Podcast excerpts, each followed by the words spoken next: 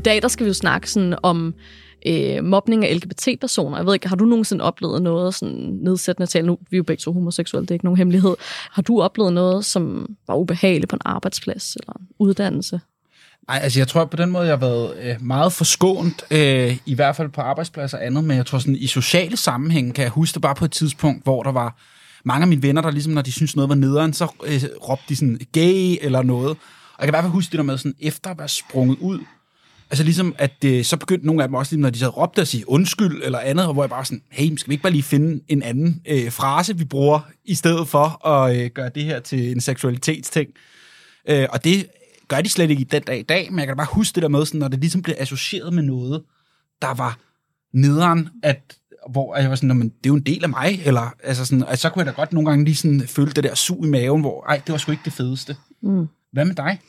Jeg har ikke sådan, ikke på en arbejdsplads, men da jeg gik i 9. klasse, havde jeg kysset med en pige, og der var det sådan om, om mandagen, øh, da jeg så kom i skole, så var der sådan, ad, øh, som var sådan, og så, så kyssede jeg faktisk ikke med en, med en øh, kvinde igen, før jeg var øh, 20 år eller sådan noget. Øh, og øh, ja, så jeg tror sådan, det, altså, det kan godt sætte sig i en, det der med sådan, at nogen har sagt noget, og de har sikkert ikke nødvendigvis altid tænkt noget med det, men det, sådan, det sætter virkelig øh, ja, nogle spor i den, der går ud over. Det er det, vi skal snakke om i dag også. Vi har besøg af Daniel Esmann, og han blev mobbet så meget på sin arbejdsplads, han er faktisk endt med at blive syg af det, blev mobbet, øh, fordi han var homoseksuel, eller er homoseksuel. Og så får vi også besøg af Gitte Gertsen, som er næstformand for HK Privat, øh, som kommer med nogle bud på, hvad kan man gøre som arbejdsplads? Øh, hvad skal vi gøre for at ændre den her kultur? Du lytter til et fucking arbejdsliv. Jeg hedder Augusta Palm. Og jeg hedder Thor Ekberg Bunde. Ja, og øh, velkommen til, Daniel. Øh, du er 31 år og uddannet lærerekspedient, og du har så i begyndelsen af 20'erne, øh, da du kom ud på din første arbejdsplads, oplevet øh, det her, at flere kollegaer kaldte dig nedsættende skældsord eller direkte til dit ansigt, fordi at du var homoseksuel. Hvad var det for eksempel, de sagde? Jamen, øh, det var alt fra bøssekæl, Gustav-typen og ham, der sluttede den af på alle, og nogle gange også homodyret. Hvor jeg synes bare, at det var sådan virkelig grænseoverskridende ord, at der blev sagt um, sådan nogle ting der. Og jeg var, nogle gange var det så bedst, at det, at det var, hvad skal man sige, ikke hver evig eneste dag, men nogle gange var det sådan hver anden eller tredje dag.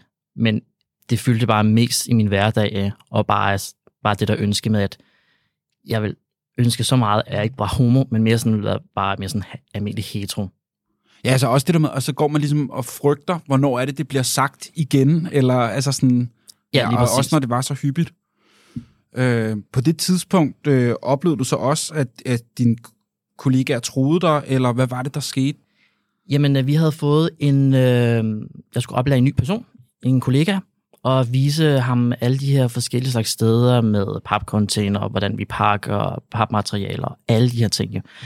Så kommer der en kollega og nærmest øh, slader eller afbryder i min rundvisning til den kollega og siger, at øh, du skal altså bare lige vide, at Daniel han er homo, så du skal nok passe på at med at bukke dig forover, eller han nok kommer i bukserne på dig. Så kigger her den nye kollega på mig og siger, er det rigtigt, at du er homo? Hvor jeg så svarer, ja, det er jeg. Så bliver han sådan helt tør i munden, og mere sådan, øh, hvor han så sagde, sagde til mig, at Daniel, du skal nok passe på med at ikke komme for tæt på mig, fordi så slår jeg dig ned. Og jeg mener det. Virkelig. Hold op. Gjorde du noget, da, du, da det skete? Ja, jeg gik til min chef og fortalte ham hele episoden med, hvad, hvad jeg blev kaldt for. Jeg blev mobbet af mine kollegaer og chikaneret. Men altså, det eneste svar, som jeg fik fra min chef, det var, at hvis du ikke kan lide lugten i bageriet, Daniel, så er det nok ikke her, du skal arbejde. Har du forstået det? Jeg var sådan helt altså målløs over, at jeg troede, at jeg var mere sådan få noget støtte og hjælp fra min kvindelige chef, men i virkeligheden, så fik jeg bare den kolde besked lige i hovedet. Altså, det var sådan, okay, så er det nok bare mig, der skal tage mig sammen, og bare mig, der skal finde mig i alt det her. Men altså, ja. det kunne jeg jo ikke. Nej, og det var også altså, dit, dit første job, som man kan forstå på det. Ikke? Sådan at, så, så tænker man måske også bare sådan, okay, er det sådan her, det skal være at være på arbejdsmarkedet? Altså, er det, er det det, jeg kan gå og forvente? Øhm, men altså, var der slet ingen af dine kollegaer eller noget, der, der gjorde noget, når de så det? Slet ikke. fordi at de synes jo også, at det var bare mega sjovt, at jeg var homo. Så jeg var jo mere sådan en slags øh, nar for dem, altså, eller øh, arbejdspladsens klovn på den måde der. Og det var også det, som jeg havde sådan var ked af det sådan meget ind i. Altså, det nærmest sådan knuste mig, at jeg ikke havde nogen kollegaer, sådan, der støttede op, eller mere sådan at sige fra og sige, at du skal snakke ordentligt til eller Der var intet. Noget som helst intet. Så jeg følte mig bare sådan helt af palle alene i verden. Ja, det kan jeg sgu virkelig godt forstå. Altså, og hele det der med, at, at skulle lære en op, tænker man jo ikke, at det er relevant på nogen måder, at der er noget med, om hvilken seksualitet man er til, om man kan øh, lære folk op i, hvor pappresseren er. Eller, ja. altså sådan, det er jo altså sådan, også sådan helt løsredet af hinanden. Men altså, du ender så med i det her jo så at tage en pause fra arbejdsmarkedet, og så uddanne dig til lagerekspedient. Øh, desværre blev du så også efter din uddannelse ansat et andet sted, hvor at mobningen så viser sig at være endnu værre. Vil du ikke også fortælle om den skrækkelige historie? Jo, gerne. Jeg øh, blev ansat i det her sted sådan lige et par dage, og jeg præsenterede mig, hvem jeg var og kommer fra, fordi at jeg vil ikke lyve om mig selv, at mere sådan, jeg har en pigekæreste, og hun laver så det og det og det. Nej, jeg er mere sådan en hudløs, ærlig person, og fortæller, hvem jeg er.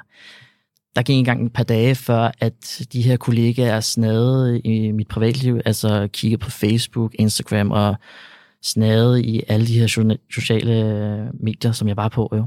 Så så der kom med de her spørgsmål om meget grænseoverskridende spørgsmål, altså mere sådan sex, om jeg var aktiv eller passiv, og hvis jeg skulle have sex, øh, gjorde det så mest i Ørstedsparken, eller sutte jeg den mest sådan på alle fyre, og øh, hvem er slags øh, mine typer, er jeg mere sådan til øh, store eller små, øh, altså det var sådan, okay, det er jo meget private ting på en eller anden måde. Også selvom man er homoseksuel, så hvad ens præferencer er og andet. Altså, også det der med at blive totalt rundspurt i de ting. Og det er jo også bare sådan, det er jo ikke noget, som der er særlig mange, der spørger deres heteroseksuelle kollegaer om sådan, Nå, hvordan, kan du, hvordan er dit sexliv egentlig? Altså sådan, det kommer jo ikke bare hen og spørge folk om. Præcis, for det er også det, som jeg sagde til mine kollegaer, at øh, hvor jeg sådan havde bare styrken, og havde bare lyst til at svare igen, mere sådan at sige, jamen, du kan jo prøve med sådan at øh, hygge dig med din kæreste,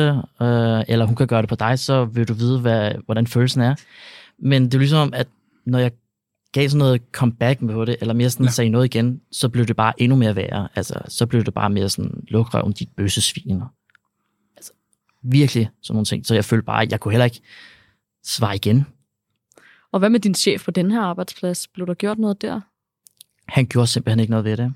Han, øh, han sagde selvfølgelig til de andre, da jeg mere sådan sagt til mor, de her morgenmøder, som vi har hver torsdag, hvordan jeg havde det, og, og det endte med, at jeg brød sammen op til flere gange, fordi jeg fortalte jo, hvordan jeg havde det. Og han sagde bare, at øh, ja, vi skal lige snakke pænt til dagen, og huske lige kammertonen og det hele. Men i virkeligheden så gjorde han ikke noget ved det. Og der var en dag, hvor jeg gik ind på hans kontor og fortalte, hvordan jeg havde det, og nu skal det altså snart stoppe, fordi det påvirker mig sådan psykisk, og mit humør, og at jeg også bare har lyst til at komme på arbejde. Men han sagde bare, at sådan, ved jeg, han sagde på sådan en humoristisk sans med, at prøv at se på mig, hvor han passede på sig selv og sagde, jeg er jo tyk, Daniel, og selvom de andre kalder mig for tykke jokes og det hele, så tager jeg jo det ikke sådan personligt, som du gør. Ja, og hele det der med, jeg tænker også, før man går ind og har sådan en snak med sin chef, altså er det ikke også noget, man bruger tid på, ligesom at, kan man sige, tage sig mod til?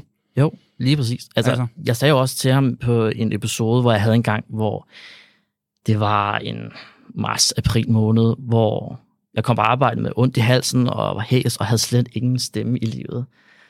Uh, og hvor jeg snakkede med mine kolleger, og jeg skulle lige have noget hjælp til en praktisk opgave, hvor så han øh, svarer mig og siger, Nå, Daniel, du har godt nok fået den langt ned i halsen.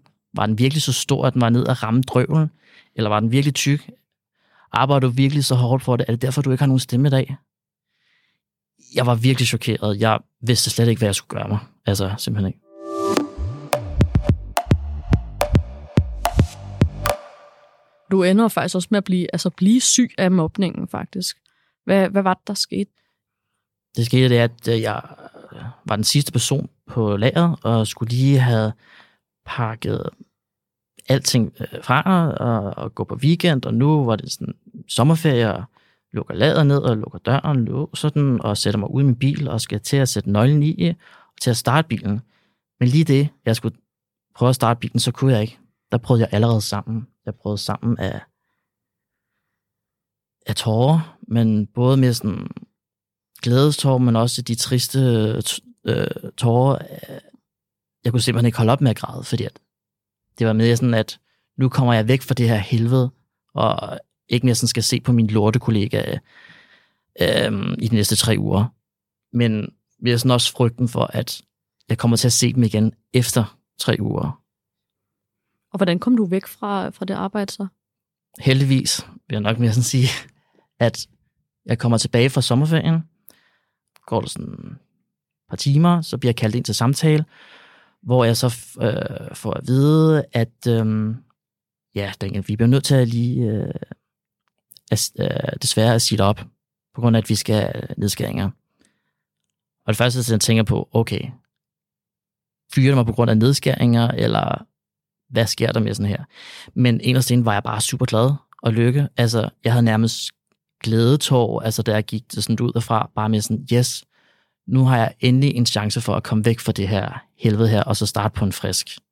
Så det var faktisk den lykkeligste dag i mit liv.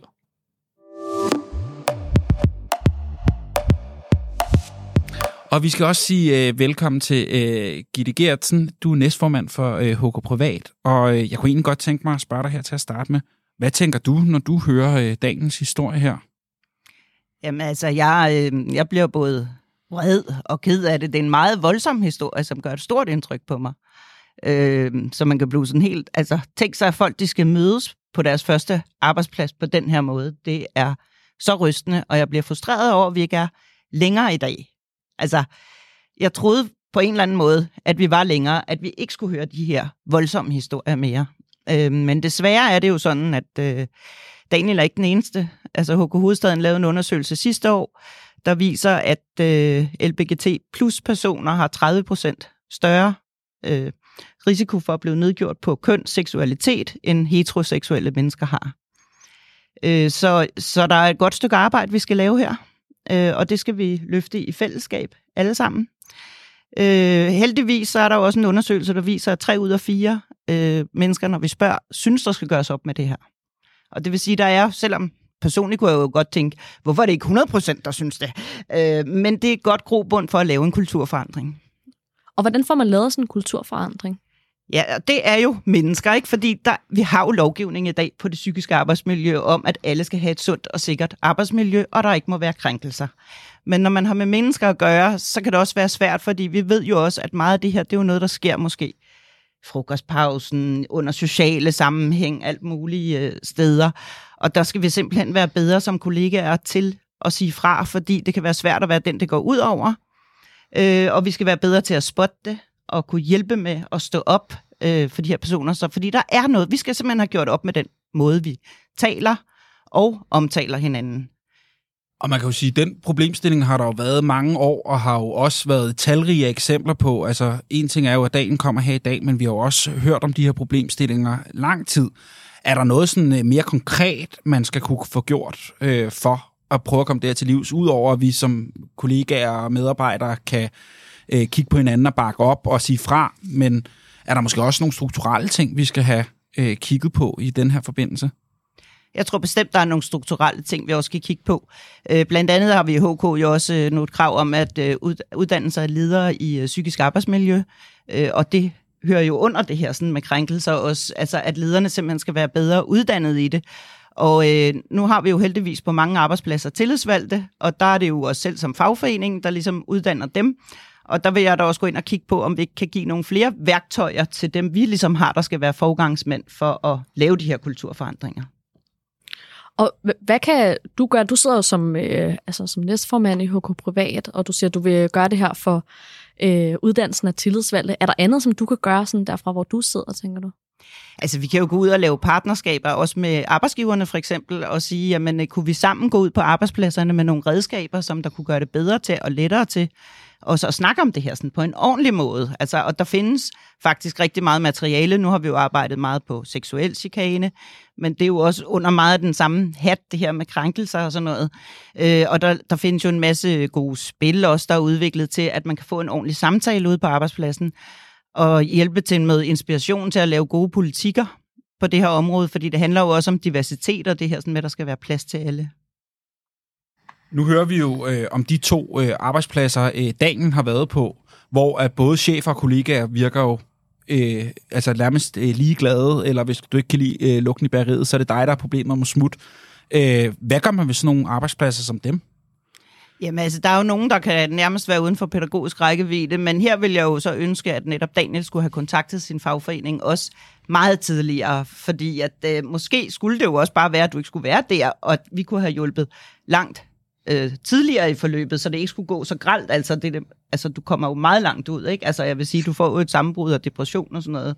Så, og vi vil jo gerne som fagforening også være med i det forebyggende arbejde, fordi det er jo tit, at man først tænker, altså man tænker som medlem af en fagforening, jeg tager fat i min fagforening, når det er noget rettighedsnåde, når jeg først er blevet fyret, når det er noget med overenskomsten. Men vi er der også til det forebyggende. Og også hvis det skulle være, at du skulle have hjulpet videre, hvis vi ikke kunne nå ind til den her arbejdsgiver. Og det kunne jo også være, at der faktisk var en sag. Altså, i noget af det, jeg læser, så tænker jeg, at der vil være en oplagt sag, man kunne have kørt. Hvad vil det være for en type sag? Altså er der nogle, nogle regler for, hvad øh, ens arbejdsplads kan tillade sig at, at, at sige og gøre? Jamen, der er masser af regler øh, på det område også, og netop en bekendtgørelse om psykiske arbejdsmiljø, hvor det skal være et sundt og sikkert arbejdsmiljø. Men de kan selvfølgelig være svære at løfte de sager på det psykiske, fordi det er altid sværere, end øh, hvis du tager noget fysisk. Øh, her må du ikke, her har du, kan du få et påbud. Men, men øh, som fagforening er vi jo meget optaget af også at køre de sager, vi overhovedet kan, og kan se kan lykkes, øh, for at få flere frem i lyset også.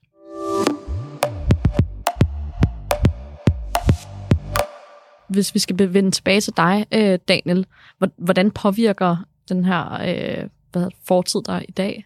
Jamen, øh, det sidder stadig i kroppen på mig. Jeg vil bare ønske, at jeg kunne lade det slippe, men den nu øh, forfølger mig stadig fra min fortid. Men som jeg har lært, jeg er nødt til at tænke sådan fremad på den måde. Men øh, heldigvis var jeg en dag til noget bryllup, hvor jeg mødte en øh, en person, en kvinde, hvor jeg fik at vide, at hun havde hørt min historie fra de her to arbejdspladser, hvor hun så anbefalede mig, at jeg skulle søge hen på denne arbejdsplads, som der hedder Nomego. Fordi der ved hun, at der bliver tonen, altså der bliver slet ikke lavet sådan noget overhovedet ikke. Der har de sådan en politik, der hedder mandfoldighed, og der skal man mere sådan respektere øh, hinanden, altså både med religion, hudfarve og seksualitet jo. Så jeg prøvede det, og jeg er allerede mere sådan ansat i den dag, og jeg er simpelthen fantastisk glad og lykkelig over, at jeg er kommet på sådan en arbejdsplads. Det er det, der har gjort mig sådan, at jeg kan smile igen i dag. Og det er jo sindssygt dejligt at høre, og jo helt hjertevarmende, men jo stadig også bare ærgerligt, at man ligesom skal finde sin lille boble for at kunne øh, have et ordentligt arbejdsliv. Det er jo ikke øh, sådan, vi ønsker det for nogen. Øh, så jeg kunne måske også bare godt tænke mig at høre også sådan lidt overordnet, øh, Gitte, om øh, hvad skal man gøre her, hvis øh, man er LGBT-person og oplever øh, noget, der minder om, du har været lidt inde på det. Jamen, altså, man skal kontakte sin fagforening. Altså, når, du, når man først har gået til chefen og ikke bliver hørt. Altså, for det vil altid vil sige, eller hvis man skal gå til en, man har tillid til. Nu i Daniels tilfælde, der er det ligesom ret håbløst med nogle af tingene. Og så er det simpelthen meget vigtigt, at man kontakter sin fagforening. Jeg kunne godt tænke mig at høre dig, Daniel, inden vi runder helt af. Øh, hvad kunne du godt have tænkt dig, at dine kollegaer havde gjort dengang, hvis man, hvis man står som kollega og oplever, at nogen bliver udsat for det her? Jeg kunne virkelig godt tænke mig, at jeg havde nogle kollegaer, som der havde modet og styrken til også at komme ind og hjælpe mig og selv sige fra. Og jamen også mere sådan at hjælpe mig i sådan en situation, med sådan at selv at sige, at øh, hey, øh, du skal lige snakke pænt til Daniel, eller sørge for, at jeg har nogen, at der vil snakke, komme til, at, komme til mig og spørge, hvordan har du det, Daniel? Er der noget, jeg kan hjælpe dig med? Skal jeg gå med dig ind til chefen og snakke om det her, da jeg har været vidne til det? Fordi det er det, som jeg bare synes, der er utrolig meget problem med det her, at, at specielt med, at, at man skal have nogle vidner, øh, eller noget på skrift, for at det kunne gøre noget ved den her situation. Og jeg har sådan også selv gået til mine øh, to fagforeninger øh, med det her, øh, de her to arbejdspladser med to forskellige slags øh, fagforeninger. Og jeg følte ligesom om, at jeg ikke fik helt den hjælp, jeg fik. Jeg var mere sådan en slags prøvekanin, da de mere sådan aldrig havde oplevet eller prøvet før. Så mit ønske er også, at altså, det er virkelig meget, det er, at, at fagforeningen bliver også bedre til at håndtere den her situation og gøre det mere sådan, at det er en alvorssag, og ikke bare mere sådan for sjov. Ja, eller er det ikke også dig, der er sippet, eller kan tåle det, eller hvordan? Ja. Lige, lige præcis, men også samtidig med, at, at det vil også gerne kunne hjælpe dem på noget psykisk. Altså, man snakkede med en psykolog, eller et eller andet noget, så man havde nogen at snakke med om sådan dybe samtaler med, som man ikke kan snakke med sin familie eller kærester derhjemme og alle de ja. ting. Der. Så, så jeg synes helt klart, at fagforeningen skal blive meget mere bedre til det. Altså, sådan så de kan ja, blive bedre til, at man også hjælpe på den gode og rigtige måde. Sådan så det også går, så det går ud, flere ud over øh, flere LGBT plus personer. Og til det, dagen vil vi bare sige jamen, tusind tak for, at du kommer og øh, deler din historie. Det er jo altså øh, virkelig dybt berørende, og vi har alle sammen siddet herinde i studiet og lige blevet en lille smule grødkvalt. Øh. Ja, og tak til dig, øh, Gitte Gertsen, også for, at du kom og øh, kommenterede på, hvad man kan gøre som arbejdsplads og som fagforening. Hvordan har det påvirket dig at høre dagens historie, så? Øhm, altså, jeg synes, det har været voldsomt, og jeg synes, det har været øh, rigtig voldsomt, fordi jeg måske også selv ikke lige har oplevet noget, og så hører der nogle andre, der har stået som mutters alene øh, med det. Øh, og jeg har jo ovenkøbet med nogle af mine kollegaer haft, at det er dem, jeg har sprunget ud for at være tæt med, og her som oplevede det helt modsatte. Og så tror jeg faktisk også, at den pointe, Daniel ligesom kom med, med at man bliver spurgt ind til øh, af meget mere private øh, karakter, er måske bare en øh, kærlig opfordring til, øh, lad være med det, på nær man er gode venner eller tætte. Øh, arbejde er også bare en masse professionelle relationer, øh, som jeg i hvert fald bare synes var en rigtig god pointe, øh, dagen kom med. Hvad med dig, Augusta? Jeg tænker meget på det der med sådan, at jeg vil bare ønske, at der var bare en kollega, eller altså sådan, der, havde, der havde gjort et eller andet. Altså sådan, fordi at typisk så er det jo også bare sådan, at når så er der måske 90% af kollegaerne nogle røvhuller, men der er jo typisk også nogen, der selv står og faktisk får lidt ondt i maven af at høre det her. Altså sådan, at der, ja, jeg vil bare ønske, der var nogen, der havde sagt noget, så det hele ikke skulle, skulle hænge på dig. Vi skal til at runde af for i dag, og øh, du skal huske, at du kan følge et fucking arbejdsliv på Instagram. Du kan også skrive til os på podcast hvis du har en god idé til en historie, vi skal tage op. Jeg hedder Augusta Palm. Og jeg hedder Thor Ekberg Bunde. Og i redaktionen, der har vi Britt Christensen, Sofie Havn Jensen, Bille Stærl og Annette Claudi. Og vi lyttes ved. Jeg tror, det er første gang, vi har taget både en intro og en outro uden at tage den. Øvelse gør mester. Ja.